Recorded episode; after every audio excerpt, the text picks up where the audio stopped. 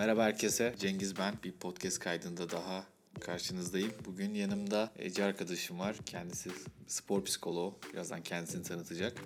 Bugün spor psikolojisiyle ilişkili ve ona dair konular hakkında konuşmaya çalışacağız. Şimdi Ece hoş geldin. Hoş bulduk. Bir bize anlatır mısın bu önce kendini sonra da spor psikolojisini? Tabii. Ben işte 2014'te e, ODTÜ psikoloji bölümünden mezun oldum. Ondan sonra ODTÜ beden eğitimi ve spor bölümünde yüksek lisansa başladım. Eğitimi kısa bir sürede bitirsem de tabii tez eğitim kadar kısa bir sürede bitmiyor. Senin tezin bitmedi daha Hala bitmedi ya. Ondan sonra spor aile dahiliyeti çalışıyorum tezimde de. E, bugün birlikte o zamandan sonra da hatta e, yaklaşık olarak 2015 yılının sonlarından itibaren Atletizm Federasyonu'yla çalışmaya başladık. Rio Olimpiyatları öncesi. Ondan sonra da ben paylaşımlı ofislerde sporcularla bireysel görüşmelerime devam ettim. Şimdi de Ankara'da Türkiye Olimpiyat Hazırlık Merkezi'nde spor psikoloğu olarak çalışıyorum. Tohum neydi onu bir söylesene. Türkiye Olimpiyat Hazırlık Merkezi. Aynen. Tohum. U nerede orada peki? Tom. Ya U yok. Ha. T-O-H-M. Ama Görürseniz tohum- ama bir tohum çağrışımı da var sanki değil mi? Ekmek gibi. E, Sanırım oradan e, esinlenilmiş ama yani ben o zamanlar bunun kuruluşuna dahil olmadığım için Ben tam öyle sanıyordum. Hani genç sporcuları tohum gibi ekip tohumdan çıktı gibi. Yani belki öyledir Ha, ama, ama U açılımı ben- olarak bildiğimiz için biz hep U'yu olmadığından Evet, U düşmüş orada. U yok. Peki e, şimdi spor e, psikolojisiyle ilgili konuşacağız. Ben spor psikolojisiyle ilgili aslında şey yani sporla çok ilgilenen birisiyim ama şimdi sporla ilgileniyorum. Psikiyatriyle ilgileniyorum. Bunun ikisinin kesimi spor psikolojisi olmuyor. Yani ben öyle sanıyordum. Eskiden o iş öyle bir şey sanıyordum. Ben kendi e, psikiyatri camiasındaki bu spora bakıştan bahsedeyim. Sen sonra e, psik- psikoloji camiasından ve senin çevrenden bahset. Kongrelerde işte spor psikiyatri çalışma grubu var ve işte onlar böyle zaman zaman çeşitli e, paneller yapıyorlar. E, yani ne yazık ki o panelleri katılım hep böyle az oluyor. Ben de asistanlığa başladığımdan beri spor psikolojisi ekibiyle, spor psikiyatrisi ekibiyle daha uzun bir adı var şimdi hatırlayamadım. Daha yakınımdır ve böyle panellerine girerim falan. Ama zaten o kadar az kişi girer ki mesela 5 konuşmacı varsa salonda 6 kişi vardır. Biri benimdir yani. 5 konuşmacı artı ben. Yani sıra sıra herkes birbirini dinler. Ve en sonunda ne olur biliyor musun? Onların fotoğrafını ben çekerim. Beşini. Çünkü kimse gelmediği için Aynen. o beşinin. Sonra da ara sıra beni bireysel olarak da davet ederler. Mesela hani sabah uyanmışındır kongre işte otelinde. Aa bizim işte panel var şu saatte gelir misin diye. Ben de gelirim abi ya falan deyip. Bir kere de şey dedim ya dedim beni bu e, spor psikiyatrisi ekibine neden almıyorsunuz? E, ben de şey yapayım falan. Bir şeyler hazırlayayım falan dedim. Adamların verdiği cevap şu. Abi sen de bu ekibe girersen bizi kimse izlemiyorsa izleme. sen bizim tek izleyicimizsin. Bizim için kıymetlisin. Yani hani o yüzden e, psikiyatri alanında çok böyle nasıl diyeyim hakkı verilmiş e, ya da şey yapılmış bir şey değil. Bu arada şey yani özellikle o ekibin çıkardığı bir kitapla da böyle zaman zaman işte bakıyorum spor psikiyatrisi teori ve uygulama. E, onlar grup çevirmiş Rıdvan Üney Emre Tan, Daniel Bagel ve Robert Burton'un bir kitabı. Yani ilgisini çekenler bakabilir. Yani baktım ben e, nadir kitapta falan var bu kitap. Hani baskısı da çok olmuş bir kitap değil. Evet ben açıkçası senin elinde gördüm. O yüzden daha önce tanışmak isterdim bu kitapla. Üzüldüm. Neyse okuyabilirsin istersen. Okuyacağım okuyacağım. Şimdi yani seninle neler konuşabiliriz diye şey yaptık böyle bir baktık falan. Ee, bir de tabii ikimizin ilgi alanımızla ya- da nasıl diyeyim ikimiz için ilgi çekici konular bazen dinleyiciler için ilgi çekici olmayabilir diye. Tabii canım. Ona göre pozisyon alalım. Bu arada Ece'nin şöyle bir tarafı da var. Hani sadece spor psikolojisiyle ilgilenmiyor. Kendisi de e, sporla da bayağı haşır neşir. Karantina günlerinde benim evimi ziyarete gelirken hareketsiz kalmayayım diye bana evde yapacağım neler getirdin? Ya bir tane e, disk getirdim. Disk e, insanlar bunu frisbee olarak da bilirler. Ultimate frisbee onu disk olarak artık tanımlandığını bizim literatürümüze de kazandırmış oldu. E, onu dedim ki evde boş alanlarda atar belki biraz At, onu eğleniriz. atacağım. Ha, Sonra- ha, onu atacağım. Ben de onun ne spor yapacağım. On aa lütfen. Sonra bir de life kinetik çalışabilmek için birkaç top getirdim. Kendimize hem challenge yaparız hem de motor becerilerimizi geliştirme şansımız olur diye. Hay. Aktif geçirmek lazım bu Peki. günlerde. Peki teşekkür ederim. Şimdi e, konuşalım spor psikolojisiyle ilgili ve sen spor psikolojisinin böyle dayandığı belki de o temel teorilerinin ya da işte kuramı var mı spor psikolojisinin e, onlardan bize bahsetsene. Yani spor psikolojisi biraz daha hani sporcunun e, davranış ve düşüncelerini belirli teori modellerine göre spor psikolojisinin dayandığı. Yani bu neden sonuç ilişkisine de bağlı kalarak e, inceleyen ve performansını arttırmaya yönelik kişinin ki bazen performansını arttırmaya yönelik bile değil. Performansın önündeki engelleyici faktörleri ortadan kaldırarak da bunu başarabiliyor. Daha başına gelmemiş belirli durumlarda olabilir. Uluslararası organizasyonlarda neticede bir medyaya maruz kalıyor çocuklar. Kendini ifade etme becerisine ihtiyaç duyuyorlar. Bu tarz durumlara yönelik bile kaygı durumlarını ya da kendi ihtiyaçların bulunan ana durumlara göre çalışmalar gerçekleştiriyor. İşte ferdi branşsa ferdi branşa yönelik, takım branşıysa takıma yönelik çalışmalarla detaylandırıp farklı modellerden destek alıyoruz. Hani bunun için en çok bizim önemsediğimiz modellerden biri Tabii uzun yıllar boyunca bunu çalışan bir sürü e, insan olmuş dünya çerçevesinde. Türkiye bu konuda birazcık daha yeni kalıyor dünyaya nazaran. E, akış teorisi bizim için çok kıymetli bir yerde oluyor. E, bu akış teorisinin içerisinde kişinin e, performansında aslında becerileri arttığı süre boyunca çünkü başladığınız e, dönemden geldiğiniz noktaya kadar sizin becerileriniz bir artışa geçiyor. Ve bu artış içerisinde zorluk derecesinde artmasını bekliyoruz ki bu yüzden sporcuların yaşa bağlı da değişen yarışma organizasyonları oluyor daha çok zorlaşan. Hı hı. Ya da performanstan beklenen belirli fiziksel koşulların sağlanması zorlaştırıcı faktörlere çıkartılıyor. Böylelikle kişinin akışta kalması için işte bunun ayarlanamadığı noktada kişi burnout dediğimiz tükenmişlik yaşayabiliyor. Ya da sıkılma dediğimiz e, spordan artık hani istediği keyfi alamama dediğimiz evreye gidebiliyor. Ama eğer sağlayabiliyorsa kişi akışta kalarak bu performansta hedeflediği noktaları görebilecek dereceler veya sonuçlar elde edebiliyor. Genel olarak böyle tanımlayabiliriz sanırım. Peki sen kendi de şimdi sporla ilgileniyorsun. Maraton e, maraton diyebiliriz evet, ama yarı maraton mu koşuyorsun? Yok maraton koştum e, ama ultra daha çok seviyorum. Yani dağ koşuları, cross biraz daha.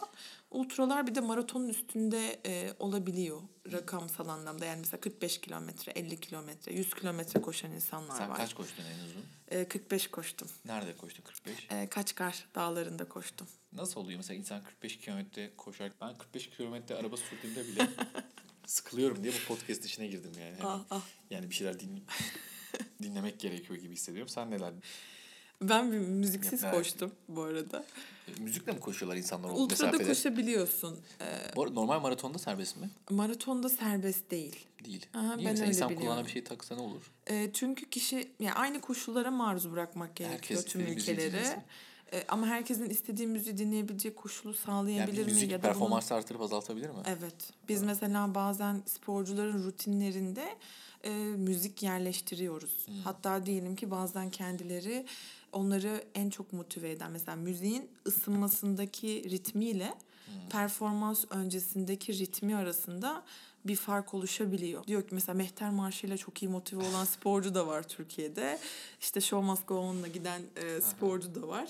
E, bu biraz da kendi iç dinamiğine göre şekillenebiliyor. Peki sen sana gelelim. Mesela sen hı hı. mesela o 45 kilometrenin işte 40. kilometresinde neler düşünüyorsun? Ya ben en, en başta şunu anlamaya çalıştım. Benim ana motivasyonum ne? Niye koşuyorum yani? e, yaklaşık 6 saate yakın. Yani sedanter olduğum için benim koşularım normal bir elit atletin çok çok çok daha üstü bir performans oluyor ve bu çok daha zorlayıcı oluyor benim için saat anlamında. Ama ben çok keyif alıyorum çünkü beyin yani zihnim çok zorlanıyor. Çok düşünen bir profilim kendi yapımda. Ve bakıyor bakıyorum ki böyle 20. kilometreden sonra düşünememeye başlıyorum. İşte 20'den 25'e kadar gerçekten sadece aa bu ağaç, bu kuş, aa bu insan herkese aa hadi yaparsın diye böyle bir alkışla işte tamamen insan, insanın böyle hayatta kalma güdülerinin daha aktif olduğu bir anda geçişi hissetmek beni yaşama dair daha motive bir duruma itiyor ve bu çok hoşuma gidiyor. Peki motivasyon düşünde ne yapıyorsun orada mesela?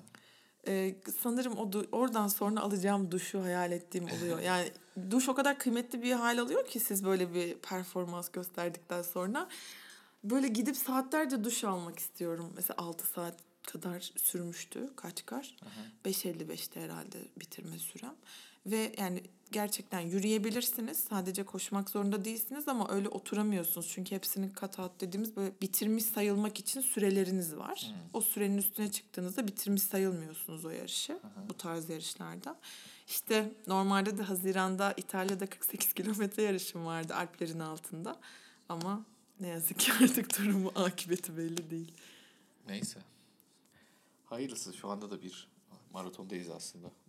Nasıl baktığına bağlı Oo, konuya. iddialı geldiniz hocam. Zaten İta- ama zaten İtalya'ymış hani başka da yer olsa şu an en çok da İtalya'da insanlar ölüyor yani. Evet, ama hala yarış iptal Düşünsene. olmadı. Merak ediyoruz. ne Düşünsene yapacağız. maratona başlıyorsun mesela 40. kilometrede falan yoğun bakıma kalmışsın, kolitik Yani. atmışsın yolda. Sonra En da şey olmuşsun Büyük falan. avantajı Alplerin altında. Yani pek Rakım. insan yok ama Pek insan yok da 2500 canım. falan kazanım oluyor rakım anlamında o yarışta. Tamam da pek insan yok da insanlar izleyecek, katılacak, Evet koşacak. evet canım o Herkes işin esprisi. koşuyor? Yani kendini şey yapmaya çalışıyorsun işte. Neyse. Peki şimdi yani sporcuların gerçekten yani hani okuduğumda da bu kitapta da okuduğumda genel böyle bir baktığımda da şu dikkati çeken bir şey. Mesela bir sporcu zaten işte mesela senin çalıştığın tesislerde çalışmak için mesela oraya kabul almış bir sporcu düşünelim. Ya da milli sporcu. Pek çok süzgeçten geçiyor. Yani işte fiziksel e, işte yetenek, işte psikolojik e, pek çok süzgeçten geçtikten sonra oraya geliyor. Yani yoksa herkes koşmuştur ya da herkes işte basket Tabii. oynamıştır. Ne bileyim herkes işte bir yerden atlamıştır. Yani onlar o sporcu demek değil. Yani profesyonel sporcu olmak, profesyonel sporcu olmanın da ötesinde mesela milli sporcu olmak belli eşikleri atlamanın, be- belli süzgeçlerden geçmeyi getiriyor. Ve bu süzgeçlerden geçmiş aslında resilience'ı yüksek, e, gayet e, dirayeti yüksek insanlarda dahi çeşitli rahatsızlıklar oluyor. Aslında bu ilgi çekici bir şey. Yani bu kadar özel insanlar seçiyorsun. işte, işte onlara yatırım yapıyorsun. Ve o kişilerde çeşitli problemler çıkıyor. Ruhsal rahatsızlıklar çıkıyor. Mesela o orada müdahaleler tabii bir de şöyle müdahaleler de zor. Hani farmakoterapi yapmak zor. Ee, Eğer mesela gerçekten bir ruhsal rahatsızlık varsa. Çünkü işte dopingle ilgili şeyler mesela dopingle ilgili konuşacağız e, bir yayında. E, sporcuların ruhsal rahatsızlığına tanı koymak, tedavi etmek, e, yönetmek oldukça zor. Sen mesela nelerle karşılaşıyorsun ve neler yapıyorsun? En çok herhalde bunun için siklet sporlarına dikkat çekmek gerekir. Çünkü siklet sporlarında e, kişiler gerçekten zor bir süreç yaşıyorlar. Belirli bir kilonun altında yarışabilmeleri ve oradaki yarışan kişilere göre e, açıkçası sporcular kendi durumlarını da planladıkları için yıl içerisinde e, eğer ki o kilonun üstünde çıkarsa e, farklı bisikletle yarışmak zorunda kalacak. Bu yüzden de özellikle bisiklet sporcularında o tartıdan önceki durum e, kaygı ya da yeme bozuklukları açısından çok yoğun geçebiliyor. Yani uzun süre sauna kullanma ihtiyacı gösteren sporculardan tuta- tutalım da hani birçok farklı şekilde kendi sikletinde kalmaya çalışan bunun mücadelesini veren sporcu profilleri her yerde gözlemleyebilirsiniz aslında. Bu bir kurum ya da tesise özgü değil her yerde çok rahatlıkla gözlemlenebilecek bir şey. Onun dışında bir de hani lift hareketleri gibi bazı taşıma hareketlerinin olduğu ya da jump dediğimiz sıçrama hareketlerinin olduğu branşlarda da bu tarz yeme bozuklukları görebiliyoruz. İşte bunun için farklı branşlardan örnek verecek olursak dans, bale bu konuda gerçekten ciddi araştırmalar yapılmış. İşte artistik buz pateni, senkronize buz pateni bunlarda da çok ciddi araştırmalar yapılmış zamanında. Çok rahatlıkla e, bu tarz durumlar gözlemlemek mümkün. Peki biraz sporcunun kaygısından da konuşalım. Yani sporcu çok kolay yani aslında kaygı her zaman insanın içinde olan bir şey. Her ne kadar süzgeçlerden geçti desek de her gittiğin ortam e, sana yeni bir habitat sunuyor ya da işte yeni challenge'ları beraberinde getiriyor. Diyelim ki sen e, çok basit örnekler vereyim. Diyelim ki sen lisende iyi bir öğrencisin. Sonra işte Hacettepe Tıp Fakültesine gidiyorsun. E, işte lisende iyi öğrenci olman yetmiyor. Bir de orada yarışman gerekiyor. Doğal olarak bir kaygıyı beraberinde getiriyor. Sen her ne kadar iyi bir öğrenci olsan da. E, sonra diyelim ki sen işte bir iyi sporcusun. Milli sporcu oldun. Türkiye çapında başarılı oldun. Bu sefer işte uluslararası alanda bir performans göstermen gerekiyor. Ya işin son, ya sonun sonu yok. Ya zaten o sonun sonunu bir şekilde kotaranlara elit atlet diyoruz değil mi? Evet, Ya mesela elit. el- el- elit sporcu Olimpik tanımı kotası. elit sporcu demek olimpiyata katılmış demek mi? Ee, yoksa yok, ne demek? olimpik kota sporcularına da elit atlet diyebiliriz. Yani normalde e, o performansı Verebilecek. evet. Yani o kota al- almaya yakın, kota alabilecek elit sporcu. Yani milli sporcular da aslında elit atlet olarak ifade edilebilir. Ayırıcı özellikler zaten o sıçramaları gerçekleştirebiliyor olmaları performansları. Peki. Rekabet korkutucu olmakla beraber bunları mesela avantaja çevirmeyi nasıl beceriyorsun ya da çalışıyor musun? E tabii ki yani şimdi birçok sporcuda şu da var. Şimdi sen mesela kendi döneminde en iyi sporcu olabilirsin. Yani açıkçası böyle 2015'ten beri tecrübelerime bakıyorum. Sporcu hep başı çekmiş. Ee, e, bir süre sonra aşağıdan da farklı sporcular yetişerek yakalayabiliyor. Bu bir, bu bir kaygı sebebi olabilir. Ya da sporcu gerçekten o performansı çok önemliyordur. Ya da mesela kota yarışıdır. Yani o yarışmada kota alacaktır ya da son şansıdır. Orada kaygıyı çok yoğun bir şekilde görebiliyoruz. Şüphe çok çok rahatlıkla şüpheye düşebiliyorlar kendi performanslarıyla ilgili. Ya olmazsa yani bu düşünce bu hani bizdeki o çarpıtmalar var ya bilişsel çarpıtmalar. Sporcuların rahatlıkla bu bilişsel çarpıtmaları düşebildiklerini gözlemliyoruz. Bazen kendi antrenmanlarına mesela o içerisinde e, düzenli katılmadılarsa performansa dair orada bir şüphe ortaya girdiğinde sporcu diyor ki ya olmazsa bu işi yapamazsam gibi örnekler görülebiliyor.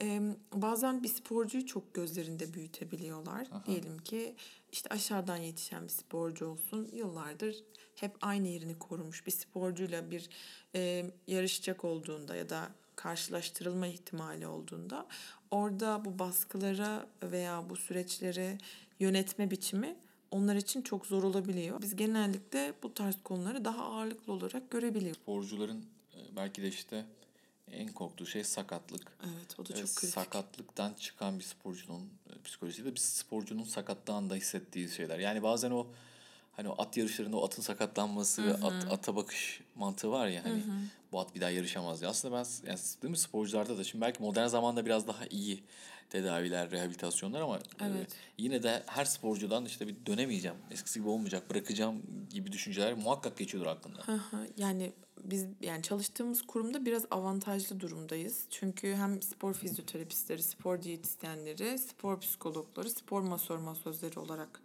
çalışıyoruz. Hani Ankara'nın bir de şöyle bir avantajı var. Hani aynı zamanda yanda da SESAM var. SESAM'ın da doktoru var. Öyle bir durumda sporcular da oradan destek alabiliyorlar. Ama bu tabii ki her ilde bunu mümkün kılmak çok gerçekçi olmayabiliyor. Bu yüzden de sanırım bu sakatlık evresinde hem teknolojiyi kullanarak destek almak hem aynı zamanda mental olarak bu aldığı desteğin sahaya geri dönüşü bekleyen bir sporcu var neticede karşımızda. Nasıl sahaya tekrar geri döndürebiliriz kısmının altını doldurmak çok kritik oluyor. Kaçınma davranışı gösteriyorlar. İşte ben gelmeyeceğim. İşte biraz psikolog e, kavramı hala tam oturmuş değil. Çok gelmeyeceğim değişmiş diyorlar. olmasına rağmen işte mesela diyorlar ki böyle bir süreçte psikolojik destek alman sana faydalı olabilir. Yok gerek yok falan deyip kendini kapatma eğilimi gösterebiliyor. Çünkü tesiste olduğumuz için tesise gelmesi lazım. Tesiste ona biraz hatırlatıcı olabiliyor. Neyi kaybettiğini ya da şu an neye ulaşamadığına dair. Böyle bir süreç Kaybettiğin etkilenebiliyor madalyaya dön de bak istedim. gibi biraz yani bazen içlerinde böyle bir süreç de oluşabiliyor. Ama dediğim gibi bazı sakatlık evrelerinde de sporculara şu tarz e, bir araştırmada hatta bu e, ölçülmüş ve güzel sonuçlar da elde edilmişti. E, video çekiyor sporcu gün be gün.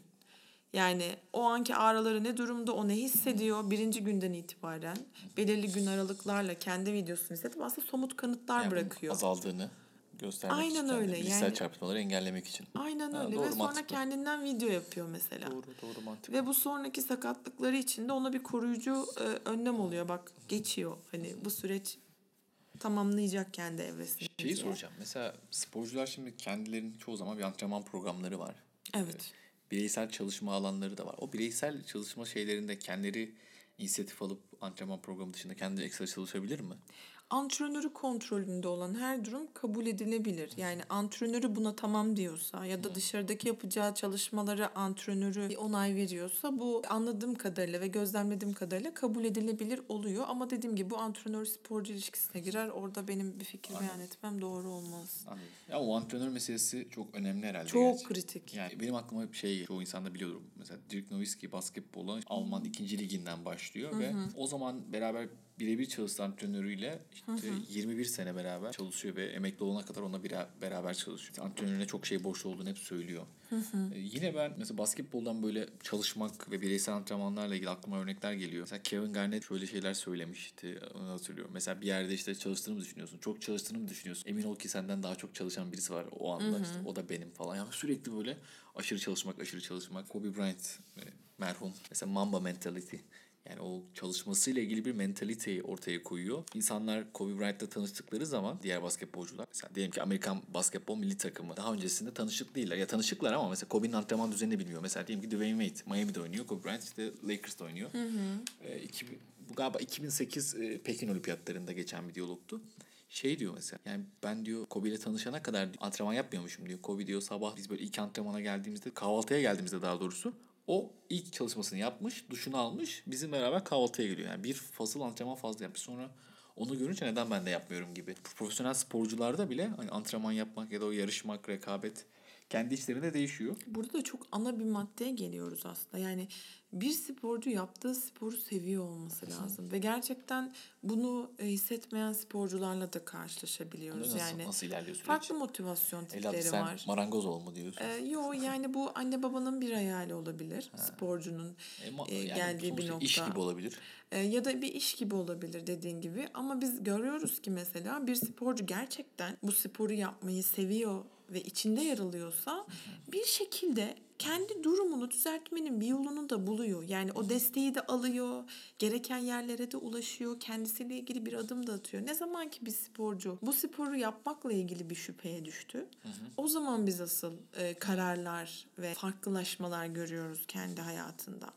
Bu kendini düzeltecek şeyleri buluyor demişken sporun da bazen sporcuyu düzeltici tarafları var. Tabii. Yani işte sen de az önce baktık hani kimler mesela geçmişte ruhsal rahatsızlığı varken spora başlayıp görece iyi hale gelmiş. Ya da kendi deneyimlerimizle de düşünürsek yani spor yaparken pek çok sorunu geride bırakabiliyoruz. Yani işte o günlük yaşamın stresini, modumuzun düşüklüğünü falan filan. Ki paralimpikte bu mesela çok açık bir şekilde ifade evet. edebilir. Paralimpikte birçok e, sporcu zaten yüzmeye rehabilitasyon olarak başlıyor. Kendi Hı-hı. bedensel durumları ile ilgili. Ondan sonraki evrede bir bakıyoruz ki gerçekten onların ortaya koyabilecekleri Hı-hı. çok güzel bir performans var ve bundan sonra yönelim gerçekleşebiliyor. Yani bu spor gerçekten e, bir bireyin kendini anlama, tanıma ve ne yönde gitmek istediğine dair iyi bir anlama aracı da olabilir. İçinde felsefesi olan bir şey. Yani Aynen öyle. hani o dostluk, kardeşlik, rekabet yani hayata dair belki de pek çok duyguyu bir şeyin içinde yani bir müsabakada, hı hı. E, bir yarışmada insanın hı hı. böyle nasıl diyeyim böyle bir kompoze edilmiş bir halde yani Tabii bir ya. anda böyle her duyguyu yaşayabildiğin yer. Yani aslında çok nasıl diyeyim lüks bir şey yani bu kadar Tabii. duyguyu bu kadar kısa sürede yaşamak e, yani sıradan amatör insanlar için en azından. Hı hı. E, tabii bunu mesela hayatının bir parçası olması da belki de evet, o, o kadar sıkıştırılmış bir şeyin insana ağır gelebilir. Tabii. Yani her gün aşure yemek gibi düşün yani. Evet Bayağı rutinleri çok keskin ve gerçekten aynı rutinleri uzun soluklu devam ettiriyorlar. Yani inanılmaz yani gerçekten saygı duyulacak bir alan. Hani baktığımızda sporcuların azmi, isteği biz bunu birebir sahada görme şansı elde ediyoruz. Hem çok keyifli e, izleyici olarak olduğunuzda da ya da dışarıdan gözlem yapan ve ona Hı-hı. bir katkı sunmaya çalışan biri olarak da da hem de o sporcunun Hı-hı. azmedişi de gerçekten sizin için de bir umut. Yani a demek ki bak her şeyden dönülebiliyor. Yani bir şekilde kişi kendini toplayabiliyor için size de bir Mesela umut, umut demişken sağlıyor. Michael Phelps. Evet. Michael Phelps e, Müthiş bir örnek. Çocukluk yaşlarında dikkat eksikliği ve hiperaktivite bozukluğuyla evet. birlikte ilkokul öğretmeni miydi? Ee, anaokulu Anaokul, öğretmeni kadar, tarafından. Anaokul, evet. ilkokula bile şey yapılamamış. Diyor ki bu çocuk hiçbir yerde odak noktaya odaklanamıyor diyerek anneyi çağırıyor anaokul, anaokul öğretmeni. öğretmeni onu yönlendiriyor. Bu arada evet. E, işte yönlendiriyor ve işte zaten Michael Phelps tarihin en büyük yüzücüsü oluyor. Evet. Ee, hani rekorlarının ya da en azından madalya rekorunu mesela Hı-hı. kendi rekorları birebir kırılabilir de madalya rekoru 8 altın madalya tek olimpiyat çok zor gibi gözüküyor. Tabii. Ee, şey mesela şimdi bunu şimdi aklıma geldi. Michael Phelps'in bir e, marfonoid bir görünümü var zaten. Yani bunun bir avantaj sağladığı söylenir. Hani Marfan sendromu olduğu söylenir. DHB'nin olması hani bu nöro gelişimsel bozuklukların birlikteliğinde aslında çok şaşırtıcı değil. Şimdi düşünürken, düşünürken böyle Marfan, DHB birlikteliği olabilecek bir şey. Hı hı. Onun dışında e, birkaç DHB daha mı vardı? Kimler vardı? Birkaç kişi daha vardı. Hatırlamıyorum Michel, şimdi Michel, ismen. Michel Carter mıydı? Sanırım bir tane artistik buz patencinin de vardı, o vardı. eskilerden e, bir şeyde. E, bazı sporcularda e, bipolar bozukluk vardı. Mesela baktık ona. E, evet. E, aslında bakmasak da ben tahmin edebilirmişim tabii de. Bunu damgalamak için söylemiyorum. Belki de şey için söylüyorum. Hani non stigma olsun diye. Mesela Ron Artest E, sonradan ismini Meta World Peace yaptı ve dünya barışına katkıda bulunmak gibi bir e, misyonu olduğunu söyleyen bir basketbolcu. E, yakın zamana kadar da basketbolda oynuyordu. E, çok da böyle aykırı bir karakterdir. Ama işte bu şeyi hatırlıyorum. E, Indiana'da oynarken büyük bir salon kavga yani büyük bir maçın içinde büyük bir kavga neticesinde Indiana'nın sezonu neredeyse bitmişti. Kendi basketbol kariyeri de düşmüştü. Hani acaba o zaman hastalığının bir, bir parçasını mı yaşıyordu emin değilim. Yine Delonta West diye bir basketbolcu var. O da e, zannedersem ruhsatsız silahtan, birilerine silah çekmekten falan zaman zaman böyle başı belaya giren bir basketbolcuydu. Bipolar ekibi biraz sıkıntı yaratmış basketbol geçmişlerinde. E, ama pek çok ruhsal rahatsızlığı rehabilite ettiğini herhalde söyleyebiliriz yani. Ve aynı zamanda sporda da performans açısından işte NBA seviyesine gelebilmiş oyuncular Tabii bunlar. yani. Yani. demek ki e, yani win-win pozisyonu var burada. Hani kişinin e, dezavantajlarını düşünerek kendisini kenara çekmesi değil, kişinin bu dezavantajları avantajlara dönüştürebilmek adına adımlar atabilmesinin ne kadar kritik ve önemli olduğunu görüyoruz. Ya biz sanırım. böyle düşünüyorum da şimdi mesela e, bazı oyuncuları, futbolcuları, sporcuları küçümsüyoruz ya. Mesela ne bileyim işte Hasan Ali kaldırımda topçu mu falan diyorsun ya. Mesela adam kaç kez milli takıma seçilmiş aslında. Yani o basamakları geçmek ne kadar zor yani. Tabii ki. Yani biz böyle hani bizim kenardan izlerken "Uf, bu da top oynuyor falan filan dediğimiz şey tabii insan izleyici konumuna geçince roller e, işte kavramlar bir an böyle karmaşıklaşıyor. E, oldukça kompleks bir iş. Tabii ki. Yani onu, bir hayatı e, bu rutine almak. Yani düşün, mesela ben şey ant- e, bireysel antrenman izlemeye bayılıyorum sporcuların. Yani böyle bir hobim var mesela. YouTube'da sporcular yayınlıyor böyle antrenmanlarında. Mesela LeBron James'in böyle bireysel antrenmanında böyle birkaç saat böyle şey gibi izliyorum. Film gibi. Yani böyle wow. Mesela şimdi gitti şunu yaptı, şunu bunu yaptı. Şimdi işte işte buz havuzuna girdi. Oradan çıktı bunu yaptı. Şimdi çok- mesela bir, beslenmesi var böyle o şeyi şey hani yani düşünsene 15-20 sene bir de zirvede kalmaya çalışıyor. Hani bir de zirveye çıkmak zor. Orada kalmak daha da zor. Evet mesela ben çok şaşırmıştım onun e, rutinlerini izlerken işte önemli bir işte müsabaka öncesi direkt haltere girdi iki saat önce mi? Ben böyle şok nasıl ya rutininde halter mi varmış? Normalde işte yormamaya çalışırlar falan filan gibi modellerde görüyoruz ya. Dedim ki aa demek ki her sporcunun gerçekten özgün bir yapılanması var yani bu konuda. O daha kendini güçlü hissettiği bir anda belki performansa çıktığı için böyle bir rutin eklenmiş. Ama kişinin gerçekten performans öncesi rutinleri çok kıymetli. Ve bu bireysel antrenmanları da onların zihinsel yapıları hakkında bize çok güzel doneler veriyor. Çok daha rahat anlayabiliyoruz nasıl bir evrede olduklarına dair. Peki. Sporcular ve sporcuların e, psikopatolojileri ve günlük yaşamları, gündelik yaşamları ile ilgili e, biraz konuştuk. E, bir sonraki kayıtta doping meselesini konuşmaya çalışacağız. O daha böyle adli ve criminal tarafları olan daha belki Biraz de daha zorlu. zorlu, e, bir yandan da eğlenceli e, bir konu olabilir. Teşekkürler Ece. Ben teşekkür ediyorum Cengiz. Çok keyifli oldu bu evde kal dönemlerimizde. Peki buraya kadar dinleyen herkese de çok teşekkür ederim. Teşekkürler. İyi günler, hoşçakalın.